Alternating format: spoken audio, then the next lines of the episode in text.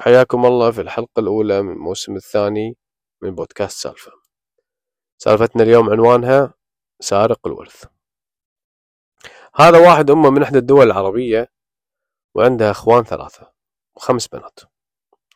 يقول صاحب القصة جدي من أمي عنده خير وتاجر كبير وعنده أملاك كثيرة.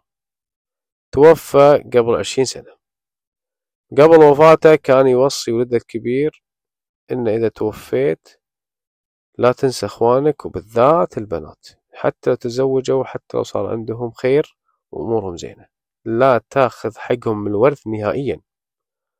طبعا خلى إخوانه كلهم مع البنات يوكلون على الحلال بحكم أنه أكبر واحد. وأنه بعد يبي يكبر الورث. وأنه بعد سنوات يعطي كل واحد حقه. وفعلا مع مرور السنوات تزوجوا البنات تزوجوا العيال الاثنين كل واحد صار عنده حياته الخاصة. بس البنات قالوا بنقعد مع أخونا ونطلب منه قسمة الشرع في الورث. وفعلا قعدوا معاه واجتمعوا كلهم يتفاهمون ويتناقشون. فجأة انصدموا من حدة كلامه غير المبررة. أصلا مالكم شي عندي أنا اللي بنيت كل هالأملاك اللي تشوفونها.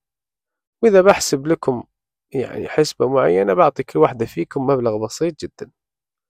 طبعا المبلغ هذا ما يشكل اثنين بالمية من مجموع الأملاك. وغير هالكلام هذا قال لهم ما عندي.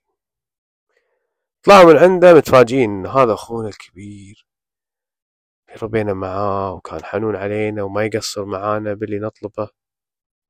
وعبالهم إن أخوانهم الاثنين الثانيين نفس الوضع ما أخذوا شيء أو قال لهم نفس الكلام إن لكم الحسبة البسيطة هذه.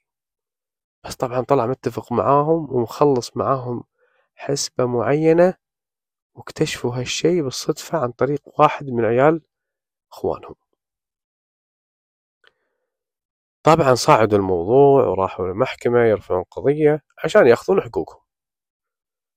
وهم تقريبا من سنة بينهم قطيعة. وينطرون نهاية القضايا اللي, يرف... اللي رفعوها عليه. بس الشيء الفارق بالقصة إن هالشخص هذا سبحان الله بعد موضوعه مع أخواته القطيعة اللي صارت عرفوا من أشخاص مقربين إنه صدق متنعم بالفلوس وعنده يعني الخير الكثير إلا إن سبحان الله انقلبت حياته فوق تحت نفسيا وبدنيا. سبحان الله.